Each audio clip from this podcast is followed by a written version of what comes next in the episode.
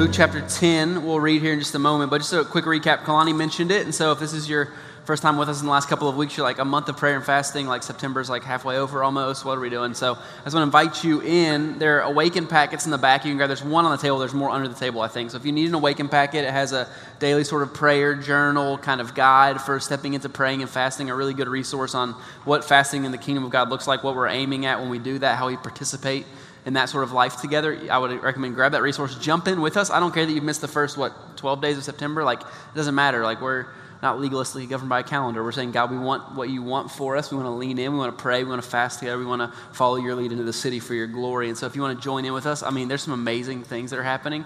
I'm, I'm such a I sit in such a privileged position when it, when, I, when it comes to being able to hear the stories of what God is doing in your lives as, as He awakens you to the things. I'll share some of those this morning, just some amazing things that God is doing just in His faithfulness. And so I'd encourage you, like, jump in with us. It's not too late to start.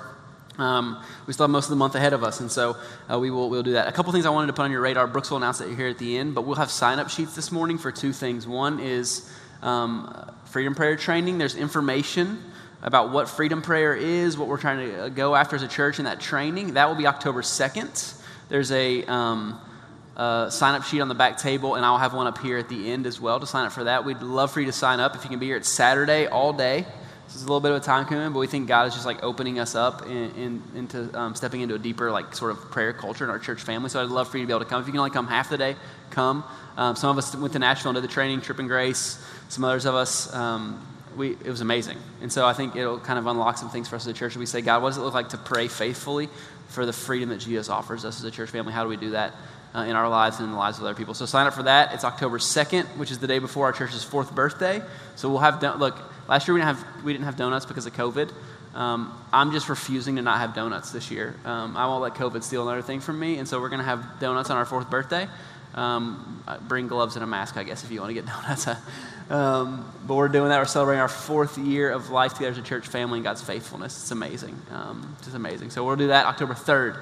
So um, and the other thing is next Saturday. This is the one I really need you to sign up for today if you want to be a part of it. Next Saturday from 8:30 to noon, we're um, serving our city in our city with Widows Harvest. Widows Harvest is an organization um, that dedicates itself to serving, as James invites us as the church to, in what is true religion, right? Serving the um, the widows among us in our city. And so we'll be doing a project. It'll probably involve painting and scraping. There will be stuff to do for all ages. So bring your kids out. It'll be an amazing time. But I'd really love for you to sign up today for that. We'll get you the exact information of where to meet and all of that later in the week. But we need you to sign up so we can send you that email when we figure out where the project is going to be. Um, sign up for that. It'll be on the back as well and up here. If you can only come again for a couple hours or whatever that morning, we still want you to be a part of it. So come. It'll be a really special, special Saturday. I know we don't normally do announcements at this point in the gathering, but I need y'all to know that. I'm really excited about it, um, all of those things. So um, let's jump in.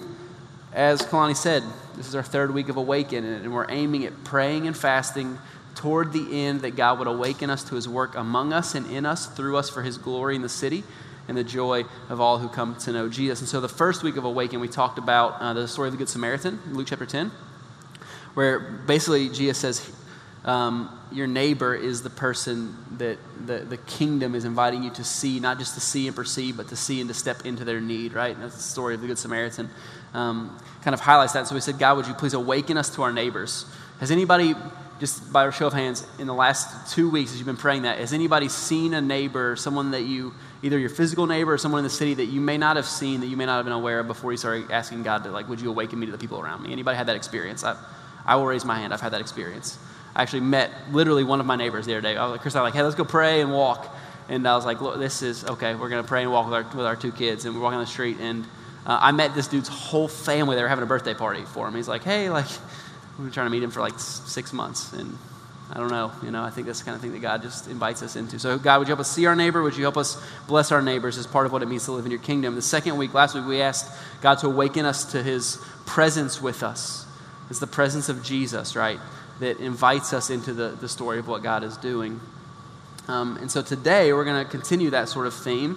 Um, and, and we're going to say, God, would you awaken us to your purpose for us?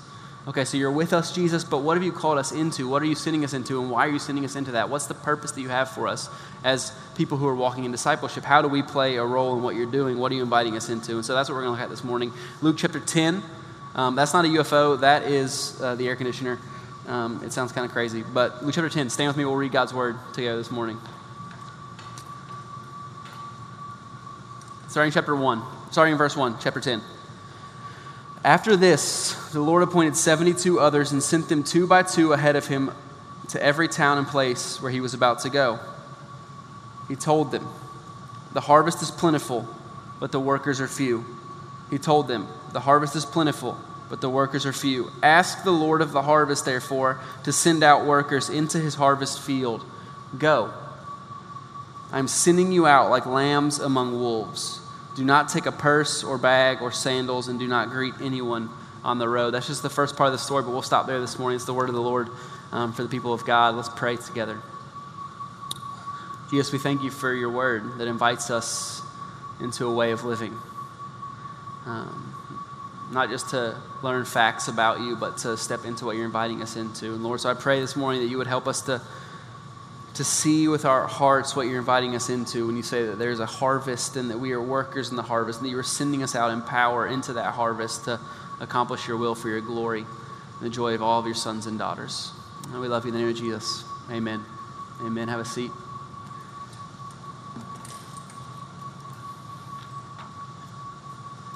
So, just three things this morning I just want us to kind of name from this passage. We'll spend the next couple of weeks in Luke chapter 10, kind of just walking with Jesus. He sends these earliest followers of his into the mission of God. But the first thing is this I want us to look at the harvest, like what that means. It's kind of weird language for us.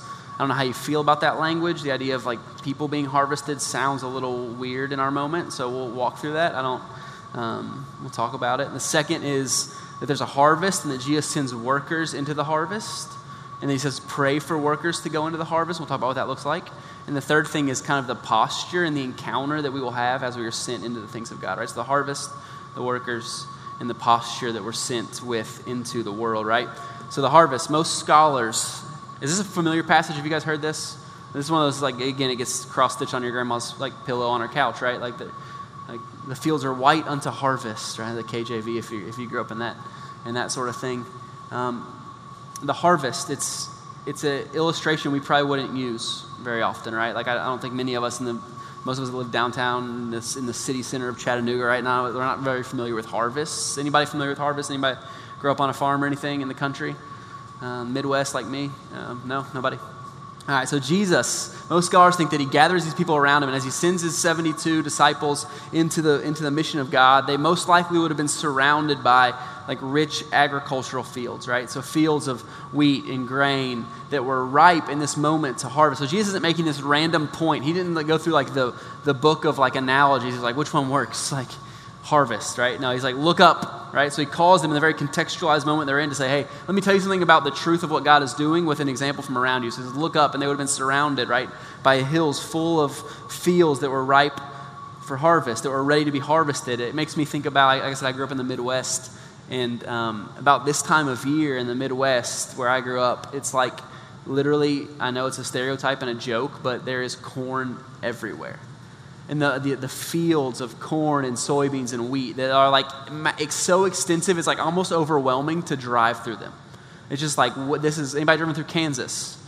It's just like, just how, how can a field be that big and how can there be that much grain in it, right? It's like just this amazing picture. And Jesus says, hey, that's the picture that I want you to think of and see in your hearts when you think about God's work in the world. When you think about God's work in the world, that is what we're being invited into, right?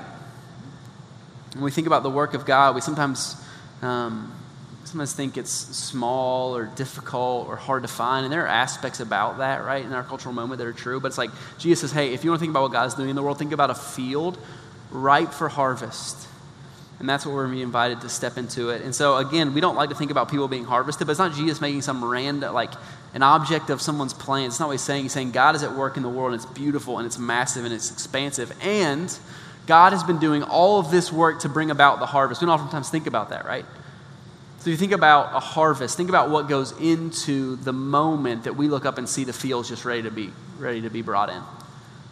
Somebody had to clear the field, right? In most cases, somebody had to go out, pick up the rocks, move the trees, level it out, prepare it. Somebody had to go and spend all spring cultivating the land, tilling it up, planting the seeds, fertilizing the seeds, making sure they had everything they needed, spraying pests or whatever in our modern day example, right? Like all this work went into you looking up at the end of August and saying, hey, there's a lot of corn out there, maybe we should pick it. And what Jesus is saying is that God has been at work for so long and in such powerful ways that he has brought about this moment in time where his kingdom is breaking in. Something amazing is about to happen, but we oftentimes miss it, right? That God has been at work, that we haven't been doing anything. And Jesus says, hey, look up. God's been clearing the fields, been preparing the soils, been planting the seeds, been nurturing the crops. And now He's bringing about something tangible in the lives of His sons and daughters.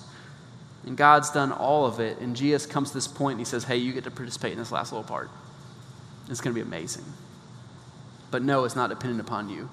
You didn't bring it about. And you ultimately won't see it to completion the harvest, we have to hear this this morning, the harvest that Jesus is using as an example is the work of God in the lives of his lost sons and daughters. That is the thing that Jesus is pointing to. That God has been at work in the lives of his lost sons and daughters. And we know that to be true because he's been at work in our lives. And that's a radically different understanding than, than any that I've been given of this text or that I sort of assimilated into my worldview um, growing up in a place like this, right? You see, God has been working on finding his lost sons and daughters. He's been working on bringing them home. And as the story kind of went last week, we have no idea, right? That they have no idea that he's been on the motorcycle, like looking for them for the last 24 years, spending every resource he had on them. If you weren't here for last week, go look up the story of Mr. Guo in China, who for 24 years looked for his lost son. You know, God's been at work to that level and greater extent even than that, and they have no idea. We have no idea how God's been at work. But Jesus says, hey, look, this is happening. You see, God never tells us, Jesus never asks his disciples to pray that God would pursue the lost. Have you ever prayed that prayer?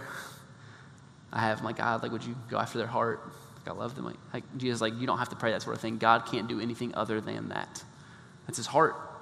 You don't have to ask him to pursue his lost sons and daughters. It's like if Maddox or Ezra went missing, I guarantee you, and I'm not even that great of a dad, I would not stop.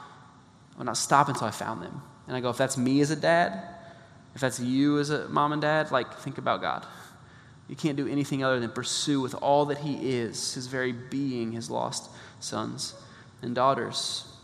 You don't have to wonder if God's out there, like getting the motorcycle ready, hanging the flag off the back of it, printing out the, law, the, the, the missing person flyers, going on the news. You don't have to worry about it. He's doing it. And our role in it, Gia says basically, is guess what? You get to knock on the door and be like, your Father's been looking for you. He loves you. That's your role in the story. And I go, may we be awakened this morning to this truth as the church of Jesus in our moment that God's lost sons and daughters are not enemies to convert, but they're beloved family to bring home. Like, what would it, like, if that, like, we live in a moment of culture war, right? Everything's a war, everything's a fight. And I go, man, the, the church, could we posture ourselves toward the world and say, man, that's not an enemy to convert, to subdue, to convince they're wrong. It's family to bring home. It's family to bring home. And we've, as Christians, we've gotten well deserved criticism when it comes to some of our tactics. A, because we have tactics, first of all.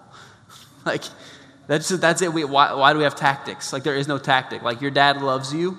Like, so much is not really a tactic. I, I don't, I don't know why we're going after like smooth tactics, but but when we do, it's like more like we're trying to win a war than we are to help people finding their way back to God. Like see, getting lost doesn't fundamentally make you bad.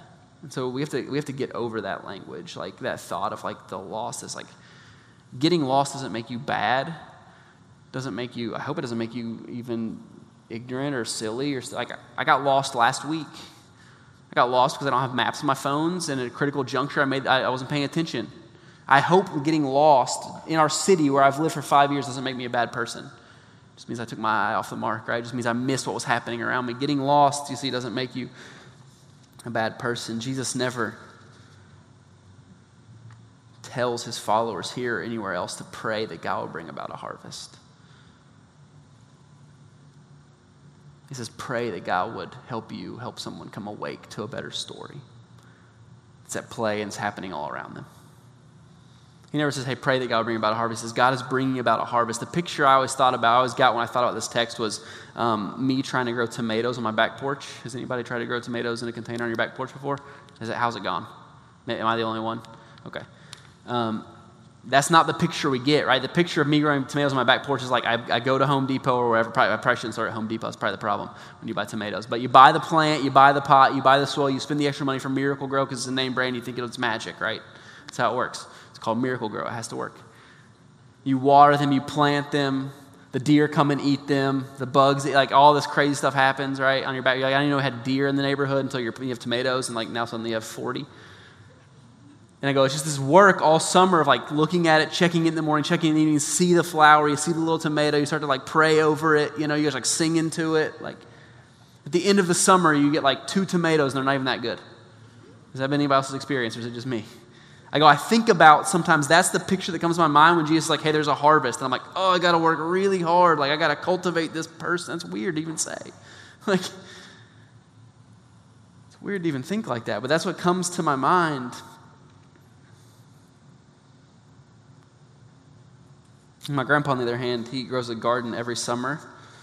He's 85. Um, and we're like, dude, you gotta stop doing this. It's too hot. Like, he's like, nah, this is, this is what I do. Like, I plant a garden, I grow it every summer. And every summer we talk about it, right? Every year we normally go, about this time of the year, we went just a couple weeks ago to, to visit my family. And he always wants to show off the garden. It's like the first thing. Like, we go to his house. He's like, hey, come look at the garden. I'm like, oh, you have a garden? I didn't know. And every year leading up to the visit that we take in August, September, he's always calling me and talking about how pretty his garden is. That's his language. I don't know. I know a garden can be pretty, but it's a really pretty garden every year. And we just a few weeks ago, and from his porch, so they have kind of they live on a hill, and so from his back deck you can see down into the garden. And I made the mistake of walking out and being like, "It looks like it's kind of all gone. I don't think there's much left." And he got like this defiant smile on his face and he, sounded like Jesus for him. he said, like, mm, come and see. I'm like, Grandpa, that's the exact invitation of Jesus. Like, like what he, he's like, no, come and see, come and check it out. Come and look. If you think that, come and look. And so I take Ezra and we walk down the porch, down the stairs of the porch. We walk into the backyard. We walk into the garden, and we get there. And he said, "Hey, look now." And so I said, "The weeds everywhere. The tomato vines are kind of brown." I'm like, "Still not that impressive, Grandpa. Like honestly." Like, and I and I take Ezra and I crouch down next to tomatoes, and, and it's like this like miracle, right? It's like underneath this like grimy sort of like dead looking exterior of all these weeds and I look and there's like a billion tomatoes just everywhere. And to the degree that Ezra Ezra like like took his breath away. He was like there's so many. They're everywhere. And I was like, "Yeah, you're right. They're everywhere. Cool. You're a great gardener. It's like it's on my back porch." And I go, "That's the picture that we get from Jesus about the product of God's faithful work in the world. It's everywhere. It's everywhere.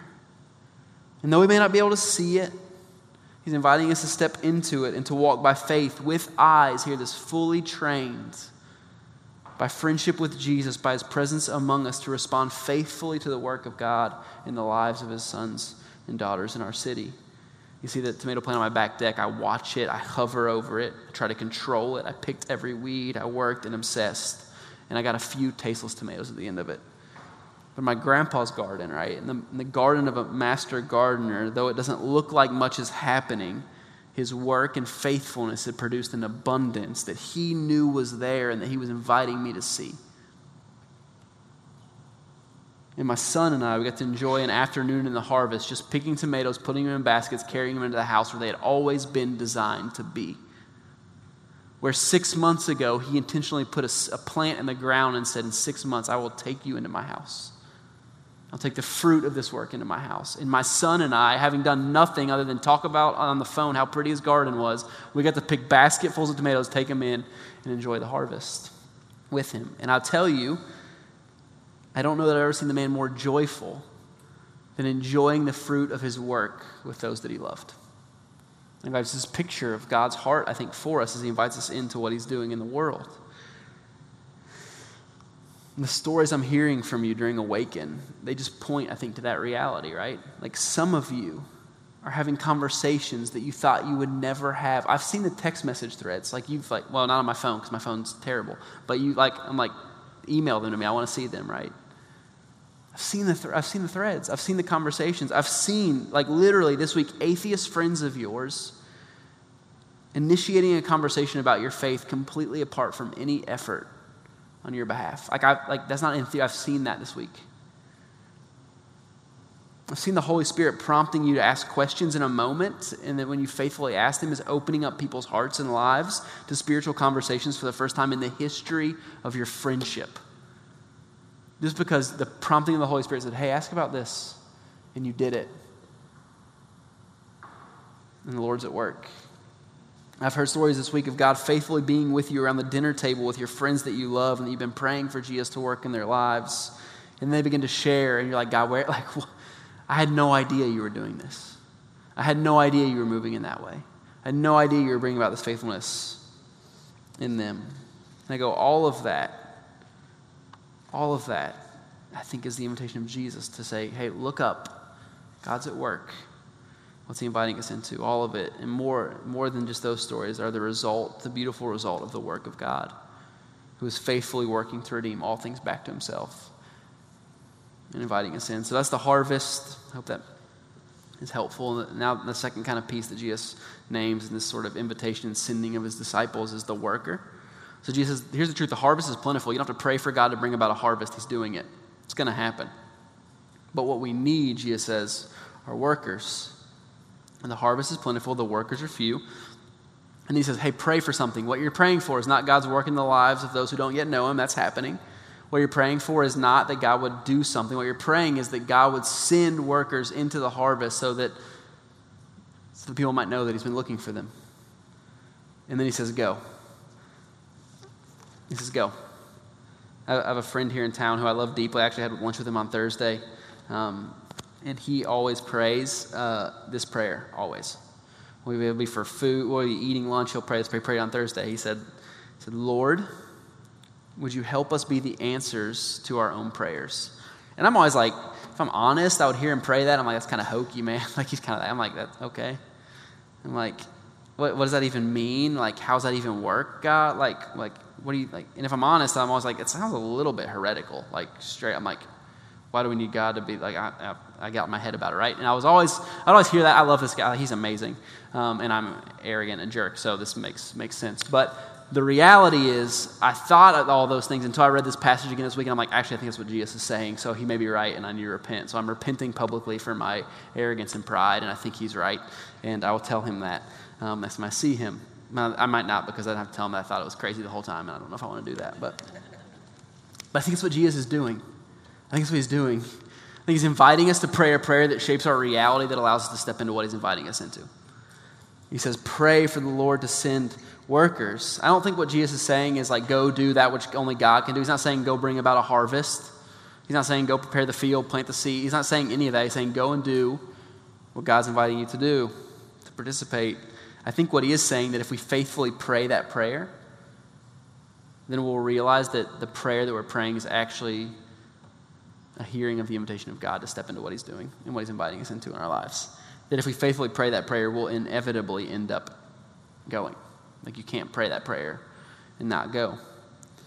Two things here. One is the sending, and the second is the implications of what it means to be sent. Like into what and with what and for what are we being sent? So the first is the sending. I think being sent is a statement more of identity than it is action. If you grew up like me, this one's kind of difficult, right? Because you had the good the Great Commission just like pounded into your head, right? Go, go, go, go, go. But I think it's more identity than it is action. And I want to name this for some in our church family. Being sent will literally mean moving to places and parts of the world where the name of Jesus isn't known. And it will mean you being sent from this place to another place for the glory of God, for your great joy as you participate in the announce the pronouncement of the kingdom of God. That will mean that, that will mean that for some of us probably. It's already probably meant that for some of you. If that's true, if that's you, I pray that awaken this season. Pray that would open you up to that call. Like if that's the call God's placing on your heart, I pray that, that awaken would open that up. Like it would be a time of prayer and fasting toward that end. And I pray that our church could be a place of support and encouragement and love and faithfulness as you courageously step into answering that call. For some of us, it may mean that. For the rest of us, for the rest of us, it's not limited to that. Being sent is not limited to, to that understanding of what it means to be sent, to go from here to another place with the good news of the gospel. Hear me this morning. Our identity not just our occupation, but our identity in the kingdom is as sent ones of God to declare and demonstrate the gospel. All of us, to be a follower of Jesus, means you are a sent one with a message to live and to proclaim. That's the imagery we get in the New Testament, right? It's an image of heralds and emissaries, people tasked by a king to announce the coming reign and the victory of the king that has been victorious. That we get to tell people the reality that they may not yet be experiencing, but that is the truest thing about their lives and the lives of um, everyone in the cosmos. But you see, we read the go because we're like, kind of like this as Americans, at least some of us are, right? We read the go and we get all like weird about it. We get like my kids when they're trying to um, get to the same place at the same time. So I'm like, hey, let's, let's go play trains. And most of the time, they hear, let's go play trains, and they get so in a hurry and so in a rush that they immediately run, begin running. They don't know where we're playing trains, and they usually end up running past where we're trying to go, and they miss what I'm inviting them into doing, right? Like crash into the wall, push each other down, somebody gets hurt, we end up crying. Like, I'm like, I just wanted to play trains. Like, let's just go play trains, right? But we get so in a hurry, so in a rush that we miss sometimes. We run right past what we're being invited into. Like, we just miss it. Like, where should I go, right? We read the Great Commission, we hear Jesus say, Go and make disciples. And we're like, Well, he said go, so I guess staying isn't an option because if he meant that, he would have said stay. So go, where should we go? It's not here. We get all in our heads, right? If I'm not here, where should I go? What should be the thing? And we just miss totally what God is inviting us into as Jesus says, Hey, as you go, make disciples. That's the Greek translation of that. As you go, make disciples. It's not so much about the going, it's about the being in the space. And we're invited to make disciples where we are as we go about life. You see, here Jesus says, Go to these followers of his, but in just a few verses, he's going to say, Hey, go so that you might stay. We'll talk about that next week. He says, Go so that you might stay where you find people of peace. And I go, How many of us have, have gone, but we're failing to stay? Who are the people around us who Jesus would say, Hey, just like press in here, stay here, don't go away when it gets tough. When the questions arise, when the pain comes out, stay. Stay, stay, so that as you go in that place, you might reveal to them the good news of the one who loves them and is pursuing them. See, I believe that you're sent. I believe that you were sent to the places and to the people, to the places you are right now, and to the people who are around you right now. No need to wait. Just an invitation to crouch down, to get below the weeds, to get below the appearances, to look into the garden, and to have your eyes open to the harvest that's all around you in the place that you are right now. I believe that we're all sent. We've all been sent. Now we have eyes to see what God is inviting us to do in that place, to bring the harvest in, in the place that He has us. And the second thing about this is the purpose. So I go into what and for what are we being sent. And this is the part where I'm just going to name it. There, this there might be some pushback here, okay? I feel it. And so if you feel it, it's okay. We can talk about it. If you have a complaint, you can email Brooks about it. He'd be glad to, to answer that this week. I'm just kidding. I'd love to talk about this. This is really important. Because this is where the, if we don't have the presence of Jesus with us, this part gets really difficult. The presence of Jesus makes all the difference when we talk about what it means to be sent and into what we're sent, right? It takes it from a theoretical sort of thought exercise and grounds it in our experience in our lived life with God. And what I'm getting at is this that being sent into the mission of God means sharing the good news of what God is doing, fundamentally. Demonstrating it with our lives and our generosity and our charity, participating in the renewal of all things to the glory of God. It means that, but it also means speaking with our lips the good news that King Jesus is victorious, that the kingdom is coming, it's been inaugurated, and is coming in its fullness one day. And until then, we can live as people um, that belong to the age that is to come. It's the fundamental reality that as disciples of Jesus, we've been called to bear witness. He says, You'll be my witnesses. Witnesses are people who say what they've seen. Fundamentally to our identity. Like that's, who, that's what it means to follow Jesus. And I can I, I feel the tension in saying it in the moment that we're, we're living in, where it says, like, hey, don't put anything external on me. I'm just saying, like, to follow Jesus means to bear witness to his goodness and his faithfulness in our lives. Not coercively, not aggressively, not as jerks, but as people who are experiencing true life in the kingdom of God. It means sharing the gospel. It means coming to the grips with the truth that Jesus says that He is the way and the truth and the life, and that no one comes to the Father except through Him. It's coming to the realization that after all of our posturing, after all of our theological and cultural gymnastics, that Jesus is the only way to the abundant life that God has for us. That we believe Him when He says it, and that our very lives are hanging on that reality being the truest thing about the universe. And that will be controversial. And that will cause you to run into opposition. And that will bring about all of the things that Jesus said it might. He never hides that from his disciples about what it costs to walk with him in discipleship. He never does. But it's true. It's the only way to abundant life. There's a study that came out in 2019. It was done by the Barna Group. They do a lot of like religious kind of surveys and research. And it found, again, take a deep breath. I love you and I'm with you and I feel it too. The survey found that 47% of millennial Christians, half of millennial Christians, agree, at least somewhat, that it is wrong to share one's personal beliefs with someone of a different faith in hopes that they will one day share that same faith. Like half of my generation of Jesus followers think that it's wrong to share our faith in hopes that someone would come to share that faith one day. Not morally ambig- ambiguous, not inconvenient, not uncomfortable. Wrong wrong. And I just tell you that because I think what it points to, I am not here to like shame anyone. I'm not here to like like beat you up. Like I'm I'm in it. I feel the tension, right? I felt like confession, standing here, doing what I do. I'm like, man, I don't know. Like that's gonna, ugh. There's some implications there, right? There's some things that, ugh, like I feel it.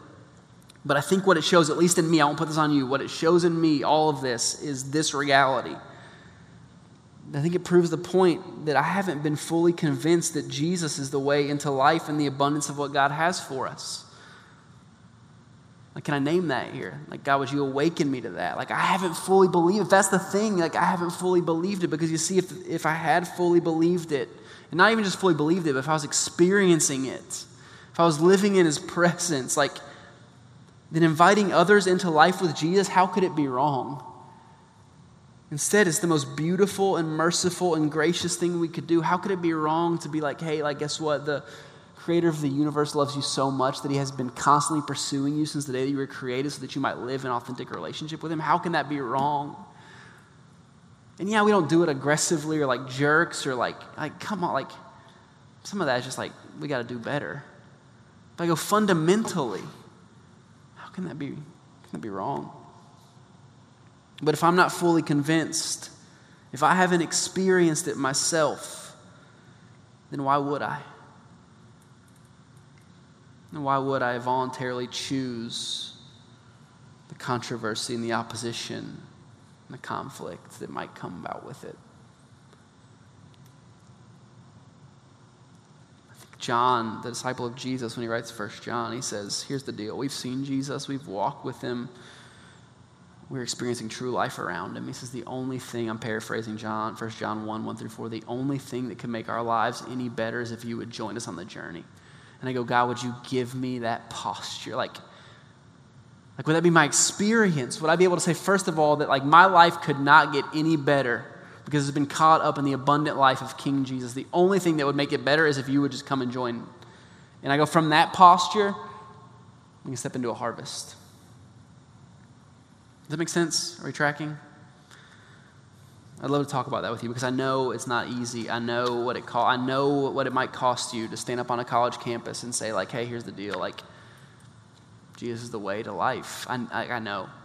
I know what it might cost you in your relationships in your neighborhood, and I go, I think it's worth it. That's what Jesus is inviting us into. And the last thing is the posture. Um, I'm going to just read this. This I was looking this week to say, like, what does it mean that Jesus would say, hey, go, I'm sending you this harvest, and I'm sending you out like lambs among wolves? Again, like, thanks, Jesus, for making it easy. you know, like lambs among wolves, what does that even mean? Like, I found this, um, I found this interview, transcript of an interview that was done with um, Pope Francis. And I loved what he said, but more than what he said, I loved what John Chrysostom, an early church father, said that he quoted. So um, he says this in the interview. He said, Another interesting passage from the Gospel, this is Pope Francis being interviewed, is the passage where Jesus says, Behold, I send you out as lambs in the midst of wolves. What does this mean? He asks. And then Pope Francis said, The true preacher is the one who knows he is weak, who knows he or she cannot defend himself or herself from himself or herself. The emissary in the midst of wolves, love that language, could object and could ask, and back to the point that I just made. But Lord, the wolves might eat me. And the answer that Jesus gives, he says, is go. This is the way. Go. This is the way. Then the Pope recalled a profound reflection by John Chrysostom. He says, This is what Chrysostom said if you, do no, if you do not go out as a lamb, but go out as a wolf among wolves, the Lord will not protect you. Defend yourself on your own. He said, when the preacher, and he said, by preacher, he means the person who's announcing the good news of the kingdom, so all of us, right? Not just people who stand in front of you and say some things. When we as we share the word, believes we are too, when we believe we're too intelligent, or when we think we have the responsibility of making sure the word of God gets heard and we try to be sly with it, we try to craft it, we try to fit it in.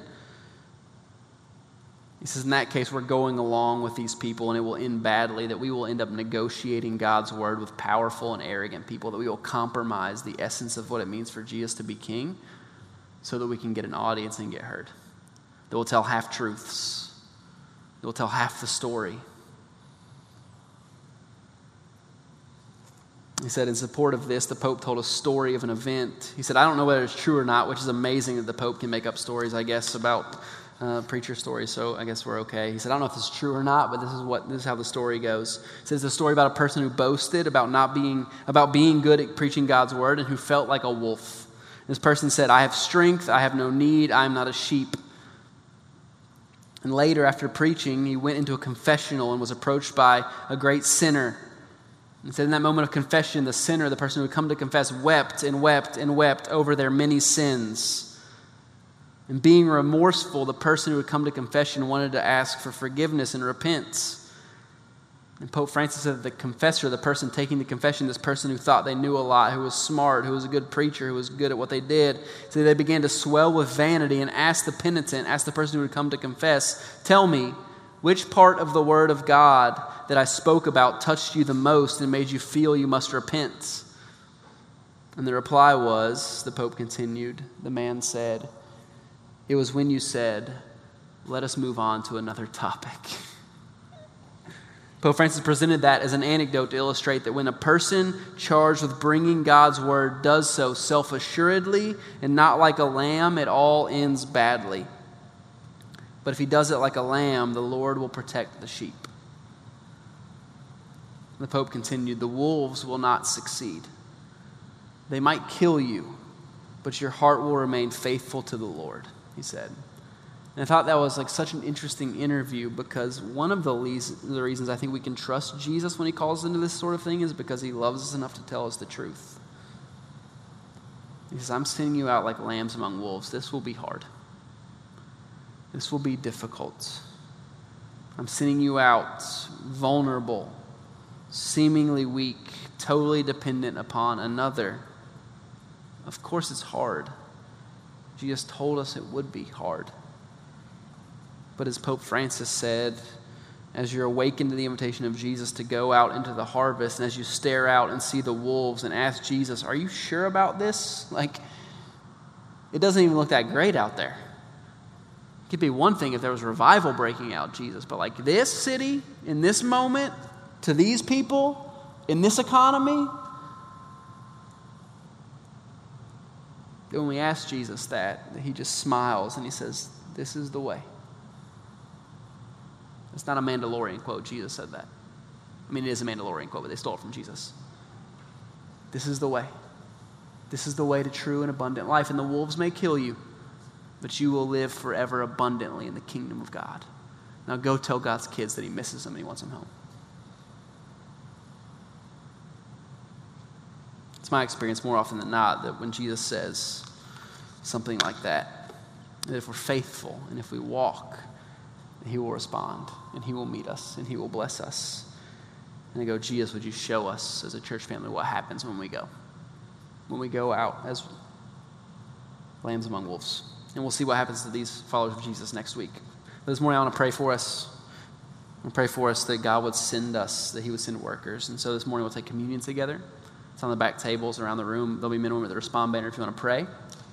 Maybe God's opening your heart to a sending that He has for you. If like you're wrestling with some of this, it's like God just convince me Convince me that you are true, that you are who you, that, you, that we, I can trust you, that you are who you say you are. Like whatever it is, like we want to invite you into that. Braden, Sydney, and Ben are going to come back and lead us in a couple songs, and we'll finish in a time of worship. But let's pray together. encourage you with the people that you came with, with the people that you know in your community, whatever. I would love for us to pray together. God, would you send workers?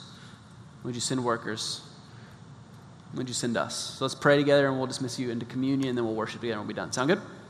Let's pray. So, Lord, we pray that you would awaken us to the harvest that is around us, that you would raise our heads, that you would lift our chins, that you would show us the harvest that is around us.